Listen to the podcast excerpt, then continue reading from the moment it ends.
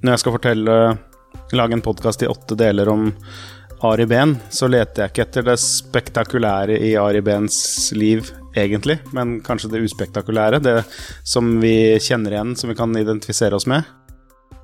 I like a good story well told, sa den amerikanske forfatteren Mark Twain en gang. Og jeg kom til å tenke på dette sitatet når eh, Joakim Førsund skulle komme til Sølvberget i, eh, nå i mai 2021. For eh, du lever jo av å fortelle historier, eh, og du gjør det på måter som eh, får folk til å høre etter, kan jeg trygt si. Så jeg har egentlig bare ett spørsmål på blokka her, og det er hvordan fortelle en, en historie godt? Ja, det er jo et veldig vanskelig spørsmål, selv om det er enkelt formulert. Men jeg tror det handler om å finne en slags eksistensiell kjerne. Eh, at man, skal, at man skjønner liksom hva eh, historien egentlig handler om. Um, og dette er noe jeg har blitt kanskje litt mer bevisst nå etter at jeg begynte å lage podkast. For jeg har jo drevet og skrevet i alle år, men etter at jeg begynte å lage podkast, så, så, må man liksom skrelle vekk alle uvesentligheter fra fortellingen. Og da sitter i hvert fall veldig ofte jeg igjen med enkeltmennesker, med vanskelige valg eller eh, en, en, umulig livssituasjon som det er vanskelig å komme seg ut av, eller altså ting som egentlig vanlige folk også baler med.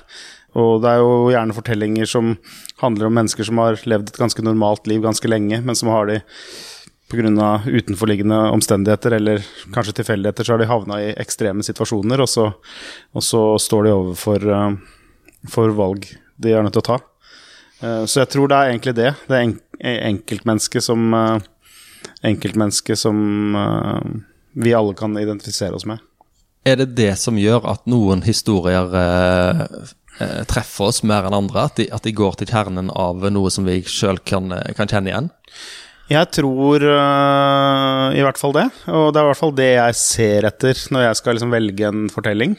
Når jeg skal fortelle, lage en podkast i åtte deler om Ari Behn, så leter jeg ikke etter det spektakulære i Ari Behns liv, egentlig, men kanskje det uspektakulære. Det som vi kjenner igjen, som vi kan identifisere oss med. Eh, sånn at vi kan kjenne litt mer på det, hvordan det er å havne i de ekstreme situasjonene som Ari Behn f.eks. havna i. da. Hvordan, hvordan, går du fram for å finne de sidene av et sånt liv? Det, det tror jeg er litt sånn magefølelse. Jeg er jo konstant på jakt etter fortellinger, eller jeg, jeg, våkner til liv når jeg hører en eller annen fortelling. Eh, og så er det noen av de historiene som blir værende hos meg, som jeg tenker at det er noe ekstra ved. Og veldig ofte så koker det ned til sånne ting. Eh, da jeg begynte å lage podkast, så ble jeg egentlig bare satt til jobben med å lage en podkast om uh, Orderud-saken. Uh, og da vendte jeg meg veldig fort altså i retning av de enkeltpersonene. Eh, denne liksom perfekte stormen av enkeltmennesker som havna på en gård uh, utafor Oslo, uh, og som alle bala med sitt. Og, og, så endte det i forferdelse. Men jeg var ikke så interessert i kulehull og DNA og fingeravtrykk. Jeg var mer interessert i hva var det som drev Kristin? Hva var det som drev Per? Hva var det som drev Veronica? Hvilke liv er det de hadde levd før alt dette skjedde? Og hvilke konsekvenser fikk disse møtene for den enkelte? Og hvorfor endte det som det gjorde, da? Det er egentlig ikke noe jeg det er egentlig ikke en slags øh, Det er ikke et ideal jeg har, det er mer en slags interesse som jeg kjenner at vekkes hver gang jeg kan, øh, kan fortelle om den type ting. Du har jo lagd eh, podkaster og bøker innenfor en, en ganske stort spekter etter hvert.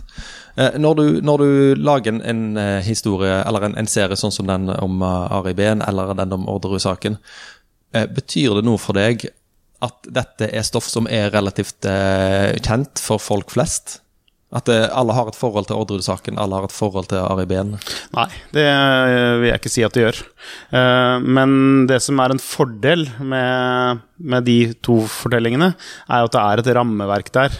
Så da kan jeg fortelle om uh, bakenforliggende omstendigheter uten å også måtte fortelle hovedhistorien det er kanskje litt enklere å komme til essensen av hva jeg uh, leiter etter når jeg slipper alt det. Men akkurat nå driver jeg f.eks. og lager en podkast om en helt uh, ukjent uh, dansebandmusiker som het Håkon Banken, og som var stor i Norge på 80-tallet.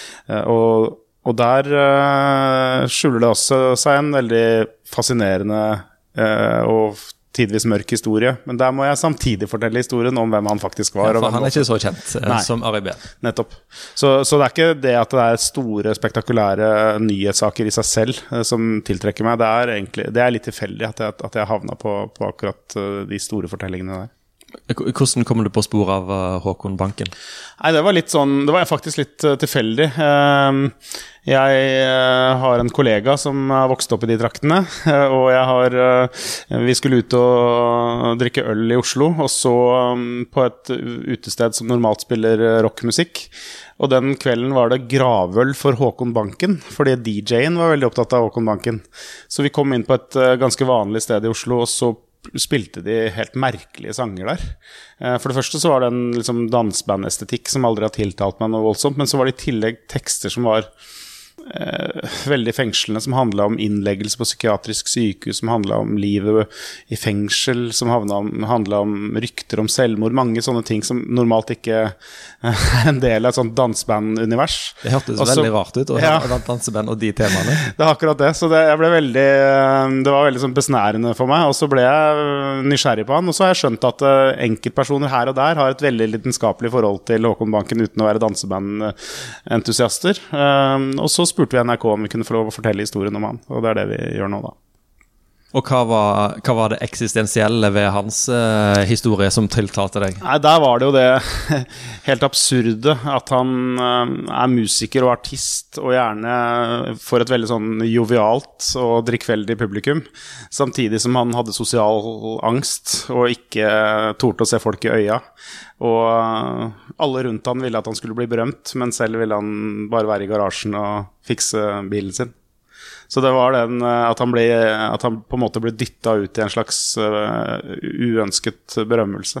Ja, var det litt av det samme som skjedde med Ari Behn? At han ble dytta ut i en rolle som han ikke ville ha? Ja, men han trodde vel sikkert at han ville ha den, da. Eh, uten at jeg skal få psykologisere for mye, så, så er det åpenbart at Ari Behn var en veldig skjør og, og, sårbar person. Som var veldig opptatt og prega av hva folk rundt han syntes om han. Samtidig som han var veldig tiltrukket av det glamorøse livet. Så der var det to krefter i han som uh, kanskje ble hans bane. Skal ikke si det for sikkert, men som i hvert fall ga han en del uh, utfordringer.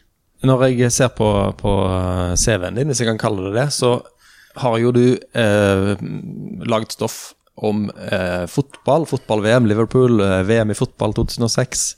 Eh, skrevet biografi om Henning Berg.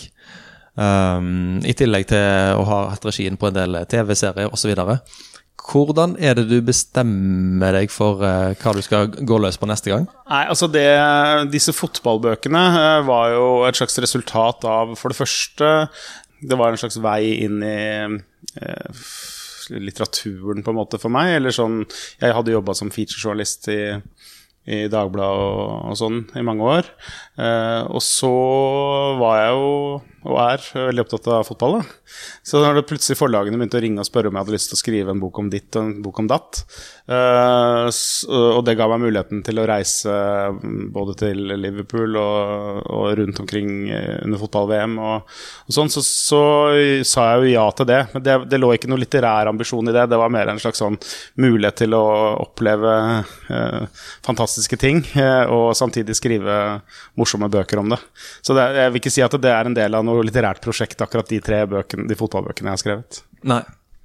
Men er det Når, når du skal, når du skal um, starte på en ny historiefortelling av en eller et, et eller annet slag, hva er det det første du gjør? Hvordan, hva, er, hva, er, startpunktet ditt i en sånn prosess? Nei, uff. Jeg skulle ønske at jeg kunne si noe bra om det, for dette, jeg er veldig, veldig rotete. Uh, og skriver helt på feelingen. Eh, og, men så er det noen partier og scener som liksom henger ved meg veldig lenge. Så øh, hvis det er en roman, så, så, har den scenen som jeg begynner med, veldig ofte rot i virkeligheten. Et eller annet minne jeg har, f.eks. Jeg åpner den første romanen min med en scene der uh, det sitter en uh, en mor ute i regnet i en campingstol og drikker en drink. Og det er et minne av bestefaren min som satt ute i regnet eh, og drakk de vie og pommac Eh, for han elska å sitte og bli våt om sommeren når det var varmt, og drikke sprit. Og da begynner jeg med det, og så begynner jeg å prøve å finne ut av hvem denne personen som sitter i den stolen er. Eh, og hvorfor vedkommende sitter der, hvorfor vedkommende liker å drikke sprit, og osv. Og, så videre, og, så og så er det ofte at jeg har kanskje flere sånne bilder, og så kan de hektes sammen på en eller annen måte. Og så halvveis ute i fortellingen så har, jeg, slags, så har jeg et slags narrativ, kanskje. da, eh, En fortelling eh, som, hvor jeg må fylle inn the blanks. Ja. Så veldig ofte så er starten ganske tro mot virkeligheten, og så er eh, så fyller jeg inn med fiksjon etter hvert. Ja.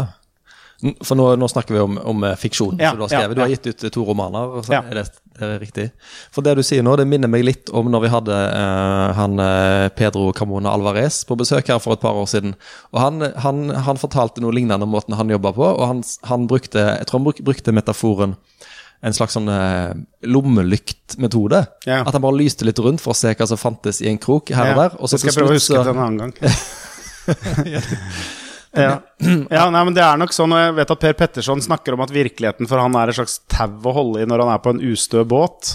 At da kan han klamre seg til noe som han vet er sant, og stole på at det har en eller annen form for relevans fordi det faktisk er sant. Mm. Uh, og så kan han dikte innenfor det tauverket, da. Ja. Så, uh, så um, Og han snakker jo også ofte om det som heter et nav, som er liksom det øyeblikket eller den hendelsen eller problematikken som hele historien kretser rundt. Og alt det der kjenner jeg veldig igjen.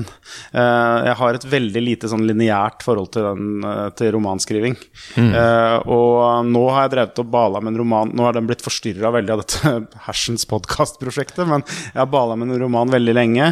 Og der er det egentlig bare én bitte liten historie som, den, som skrivinga hele tiden vender tilbake til, og det er et øyeblikk fra jeg var liten, hvor vi, nødt å, vi var nødt til å avlive katten vår. Uh, og bestefaren min gikk ut i skauen for å avlive For han var old school, så han gikk ut i skauen for å avlive den katten. Jeg var ikke med på det eller noe, men akkurat det øyeblikket og det jeg har sett det for meg i alle mulige varianter gjennom hele livet. Uh, og det minnet der og alle tankene og følelsene rundt det har på en måte er, Jeg veit at det er en roman der, men jeg veit ikke hvilken retning den skal ta. Så det er liksom litt sånn måten jeg jobber på, og det er jo på en måte en inspirerende måte å jobbe på, for jeg aldri veit hvor jeg skal, og det er spennende i seg selv. For er, da er jeg jo med på den fortellingen akkurat som de som skal lese den etterpå. Men samtidig så er det selvfølgelig også en veldig frustrerende uh, måte å jobbe på, da, fordi jeg veldig ofte ikke kommer meg videre. Ja. For, for jeg går ut fra at noen skjønnlitterære forfattere er mer mm, arkitekter, hvis jeg kan si det sånn. At du liksom lager en Du vet hvor fortellingen skal fra begynnelsen av, og du skal bare sette opp eh, veggene mm. etter hvert. Mens du jobbe deg ut fra ett punkt. Ja. Og det er liksom det, jeg, synes, jeg skulle så innmari ønske at jeg hadde mer av det arkitektgreiene i meg. Men det er bare at jeg, da føles det bare som en utrolig svær og veldig kjedelig jobb. Eh, det føles som å vaske hele huset.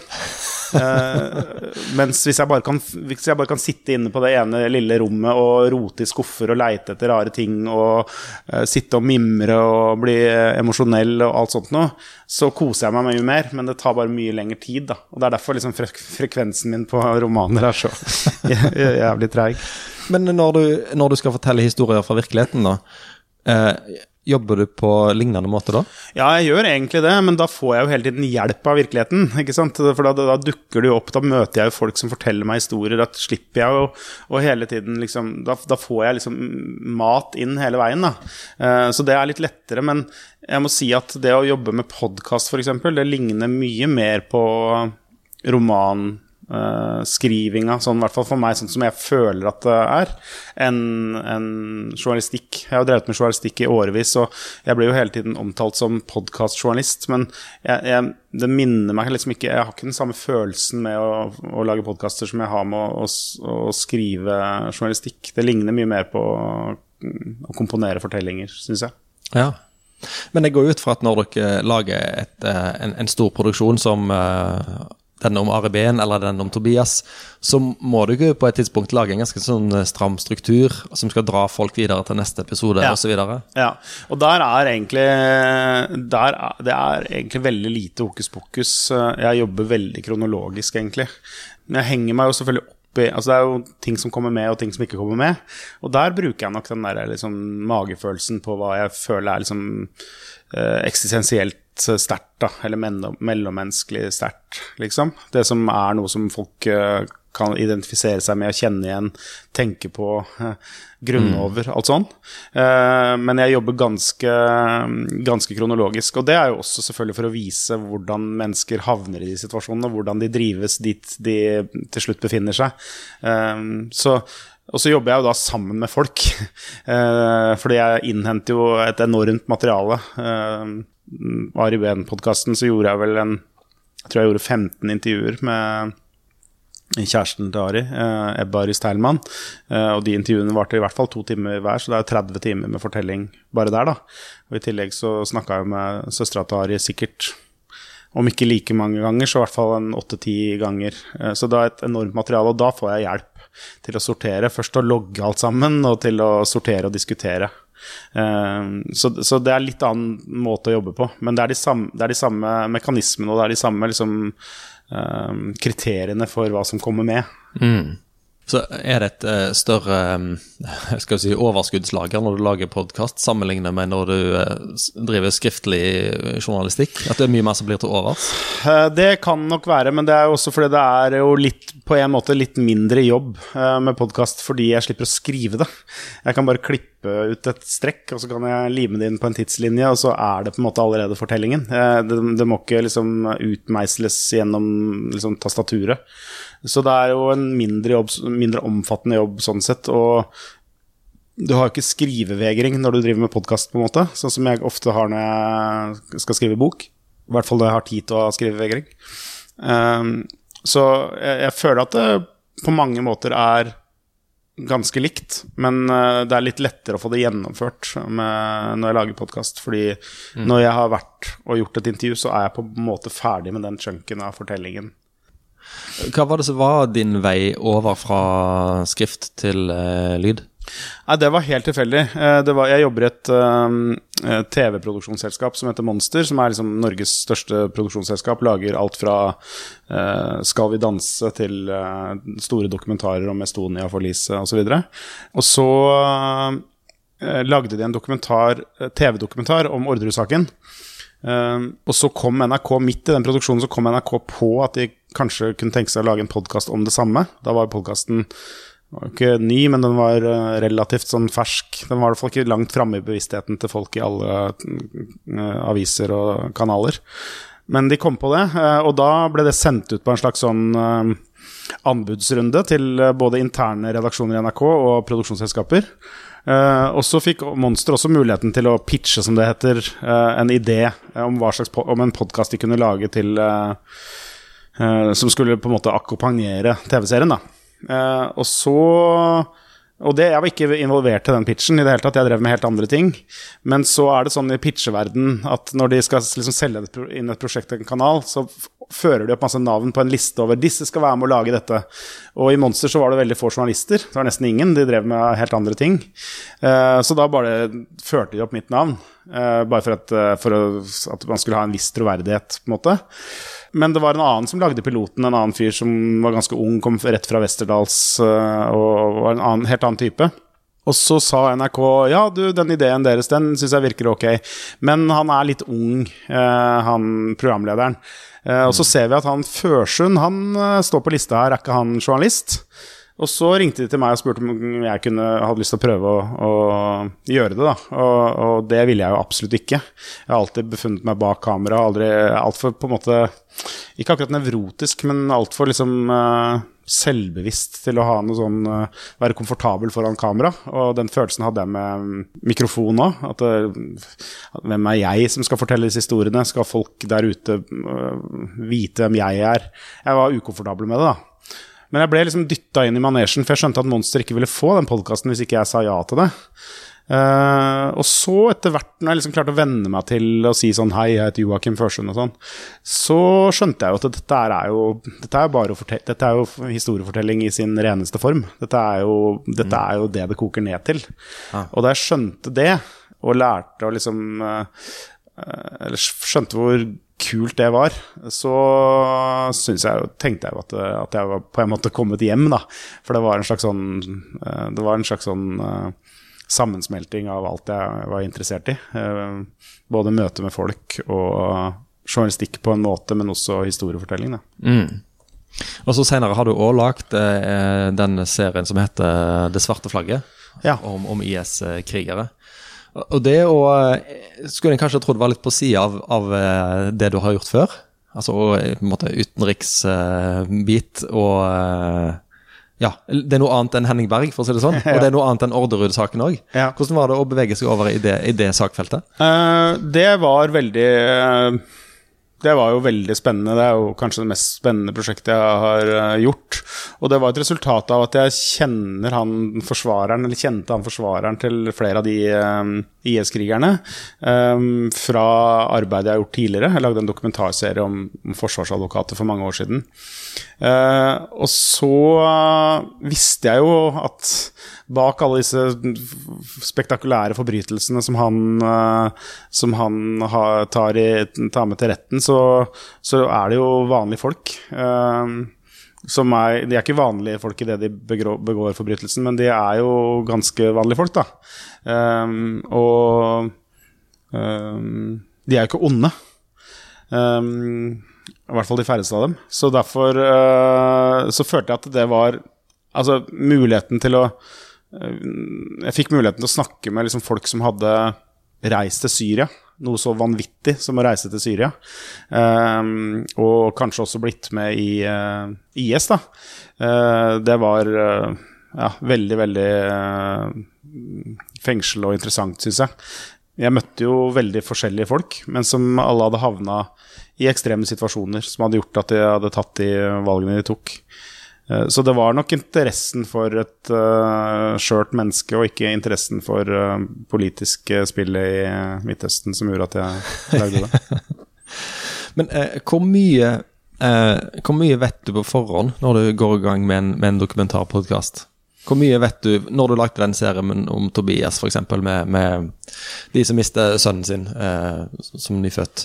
Er det bare sånn at dere da avtaler at ja, vi skal lage denne serien, og så ser vi hvor det går, eller vet du hva dere skal innom i løpet av en sånn nei, eh, serie? Uh, jeg vet ikke Nei, det første.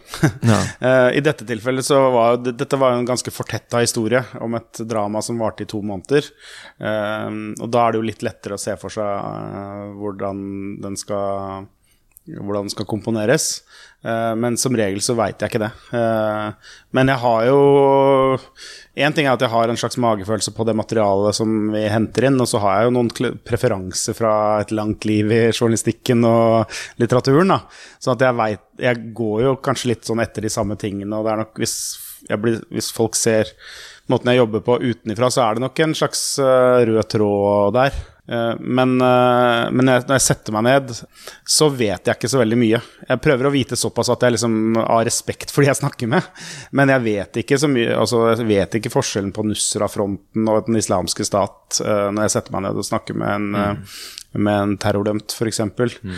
Det er både fordi det er ikke det som er essensen av det jeg holder på med, men også fordi jeg har lyst til å oppleve det der og da. Få de innsiktene der og da, og de fortellingene der og da. Og også fordi jeg vet jo at de som skal høre på, skal oppleve det der og da. Eh, så jeg prøver hele tiden å tenke at jeg skal være på det samme stedet som det lytteren eh, er, da. At jeg prøver å st bare stille helt åpenbare spørsmål. Eh, hvorfor i all verden dro du til Syria med hele familien din når du visste at det var krig der, f.eks.? Mm, mm. og jeg tror at hvis jeg hadde visst veldig mye om konflikten i Syria, f.eks., så er det ikke sikkert at jeg har stilt de mest åpenbare spørsmålene. Nettopp fordi jeg kunne for mye om konflikten fra før. da. Mm. Det er jo gjerne litt av privilegiet med å være journalist, at en er ikke ekspert, en skal bare ja. få svar. Men så bruker jeg jo det som er fint med å jobbe med podkast, er at jeg har jo god tid på meg. Uh, sånn at jeg har jo mulighet Jeg forstår jo veldig mye av et sakskompleks, men ofte først når jeg er ferdig med det. Uh, ja. Ja. Sånn at Men sånn totalen altså Det produktet jeg lager, det er jo ikke, det er, det er jo ikke ribba for kunnskap og innsikt. Men, uh, men, når jeg skrider til verket, så vet jeg som regel ganske lite. I en opptakssituasjon, hvor tid Hvordan kjenner du at det som motparten sier nå, det er bra, dette er bra, dette skal med? Hvordan merker du det som intervjuer? Nei, nei det veit jeg ikke, men det merker jeg jo, det merker jeg jo sånn, liksom. Uh, nå knipsa jeg for uh, Ja, ja. uobservante lyttere. Uh, det merker jeg jo med en gang, og da er det jo ofte en sånn balansegang hvor jeg ikke har lyst til å, at intervjuobjektet nødvendigvis skal skjønne at det der, det er jeg sinnssykt interessert i. For da blir det kanskje litt sånn paranoide eller usikre. Å, hvorfor spør du så mye om akkurat det Litt lille, sånn ting- selvbevisst, kanskje? Ja.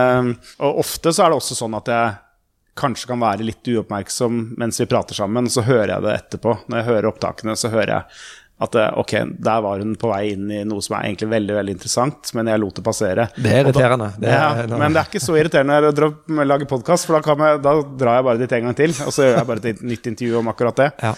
Um, så, så det er en sånn blanding av at jeg forfølger det veldig når jeg oppdager det, men så kan jeg også skjønne etter hvert at ok, det er denne retningen den fortellingen skal ta, og så, og så borer jeg videre i det eh, ved neste korsvei. Har du noen eksempler på det? At, at noe har tatt en retning som du ikke så helt Ja, faktisk. eh, Jeg husker veldig godt eh, mm, Nå intervjua jo ikke jeg Kristin Kirkemo i Orderud-saken, men det ble veldig tydelig for meg gjennom alle samtalene jeg hadde, at Kristin Kirkemo sitt store liksom, prosjekt var ikke å være junkie eller å, å være sammen med Lars Grønnerud eller noe sånt. Det var å skape et godt liv for sønnen sin. Og det var derfor hun drev og var ute på Orderud der. Ikke for å gjemme tjuvgods og sånn, men for at han skulle ha et sted å være som var liksom eh, avskåret fra det litt uh, mer skjødesløse livet hun levde i Oslo. Da. Uh, og da jeg skjønte det, uh, så var det jo veldig mange ting som falt på plass. Men det skjønte jeg ikke før langt ute i prosessen. Så det var en sånn, Og da måtte vi liksom, da prøve å nøste opp det igjen gjennom samtaler med andre igjen. Så det, det var kanskje det mest umiddelbare jeg kommer på akkurat nå. Men uh, det kan være noe at det er en, bare en liten dør som står på gløtt, og så når jeg åpner den døra, så skjønner jeg at ok, her er det et enormt materiale som jeg har oversett helt til akkurat nå. Ja, så da, og da er det selvfølgelig et poeng å ikke være for låst på forhånd Ja. til hvor du skal. Ja. Og sånn, eh, det, det tror jeg nok er en av grunnene til at jeg tenker sånn når jeg skriver skjønnlitterære bøker også. At det blir, jeg tror det blir kjedeligere hvis man har staka ut hele kursen på forhånd. Jeg husker jo det når vi var på bilferie med, med foreldrene mine da jeg var liten. At det var jo drittkjedelig hvis vi bare skulle kjøre. Hvis vi visste hvor vi skulle, hele tiden visste hvor vi skulle, aldri kunne stoppe. Hvis vi kjørte forbi 'Å, her så det fint ut, kan vi bade her?' 'Nei, vi skal til den og den campingen der og der'. 'Hvorfor kan vi ikke bade?' 'Nei, vi skal dit'. Altså den der følelsen av å liksom ikke kunne liksom utforske ting eh, som passerer deg, da. Eh, det er en følelse som eh, jeg ikke er så veldig glad i. Og det er nok derfor jeg ikke planlegger altfor mye. Så sånne teorier som, som eh, The Seven Basic Plots, som er sånne teoribøker om uh, alt, alle strukturer som fins i historiene vi forteller hverandre fra tidenes morgen til i dag, det er ikke noe du har et forhold til Nei. i din, din arbeidsmetode? Nei, det er det ikke.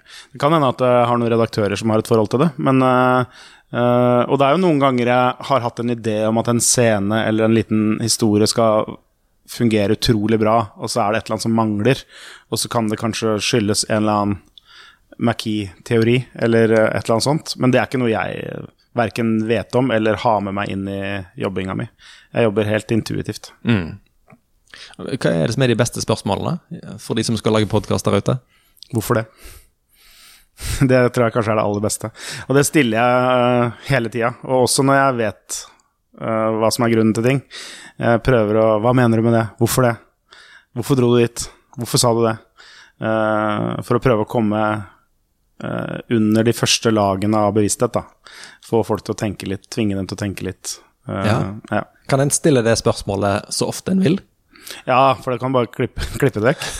Men uh, uh, ja, jeg gjør veldig ofte det. At jeg sitter sånn Selv om det er åpen Hvis, eh, hvis, hvis noen forteller meg at de gikk forbi fra mannen sin fordi han var utro, hvis jeg stiller 'hvorfor det' da, så må de på en måte videre inn i det. Eh, jo, det var fordi han var egoist, eller da Altså, det vil alltid være nye grunner og nye refleksjoner der, da, inne i mørket.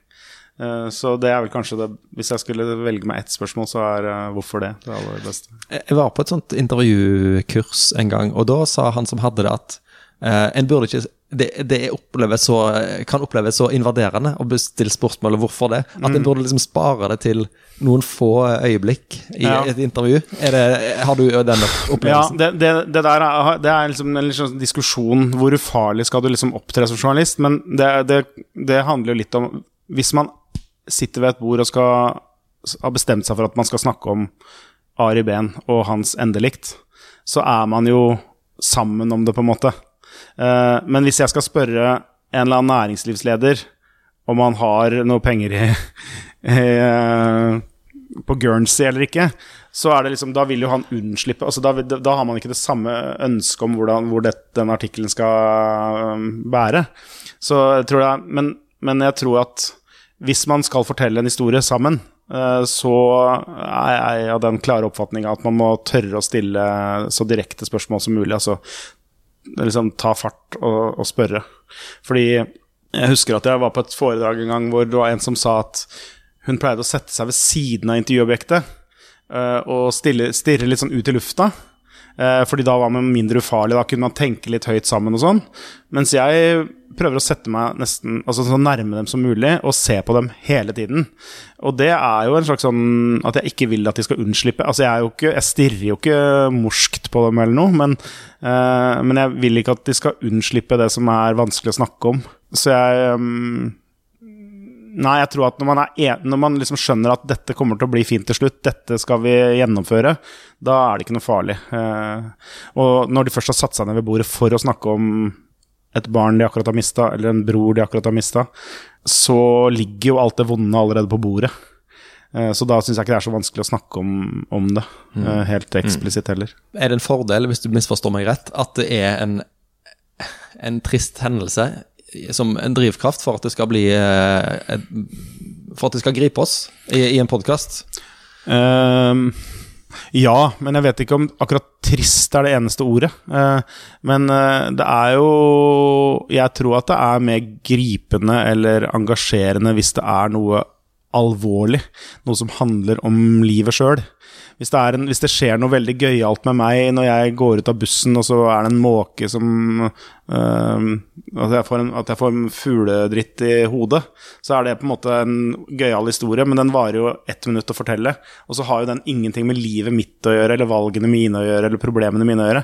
Men hvis, hvis det handler om livet mitt, dypest sett, eller til den jeg snakker med, så er det liksom da er det så mange knagger å hekte seg på. da.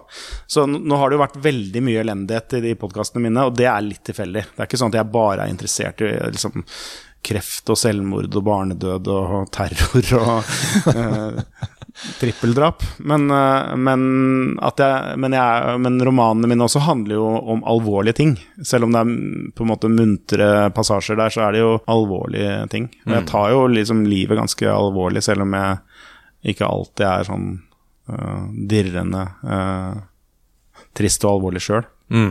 Fins det noen personer der ute, eller noen historier der ute, som du tenker at den ville jeg gjerne fortalt, men det har, ikke, har bare ikke blitt sånn ennå? Ja, det er den katten, da. Den katten som bestefaren min tok livet av. Men, den- men i den norske offentligheten, er det noen, Ah, sånn, ja. noen, podkasthistorier du tenker at eh, den eh, venter bare på å bli fortalt? Eh, du vil kanskje ikke røpe det? Ja, det er det jo sikkert. Så det, for det første så har jeg ikke noe lyst til å røpe det overfor um, kollegene mine, men det, kan, det sitter noen mennesker der ute og ikke vet at, de vil, at jeg vil fortelle historien om dem heller. Men, uh, nei, men det er jo til enhver tid, både av uh, fiksjon og, og dokumentarisk art, så er det jo til enhver tid liksom en fire-fem fortellinger jeg går og tenker litt på at jeg kunne tenke meg å se nærmere på. Og hva, hva er første steg da? Eh, Må du liksom ta kontakt med disse folkene det gjelder, eller eh, hvordan gjør du det? Uh, ja, først så må jeg jo finne ut om det er gjennomførbart. Da, at jeg må liksom sjekke med NRK om de er interessert, eller med Gyllendal forlaget mitt om de er interessert. Om det kunne være en god idé. Tenke litt høyt. Spørre kona mi hva hun tenker om det. Men veldig ofte så har jeg en ganske, en ganske sånn sterk magefølelse, så hvis det er noe jeg virkelig er overbevist om at eh, jeg har lyst til å gjøre, så, så mm, prøver jeg å få det gjennomført. Så og da er det jo Ja, da er det jo bare å sette i gang, da. Ja. Og denne serien om Håkon Banken, når får vi høre den? Den, eh, hvis alt går som det skal, så skal den publiseres i eh, oktober. Jeg lurer på om det til og med har eh, klokkeslett og dato. Jeg tror det er 06.00 den 11. oktober. Det er i hvert fall det som er den stipulerte datoen. det hørtes datoen. veldig presist ut. ja. Joakim Førsund, tusen takk skal du ha. I like måte.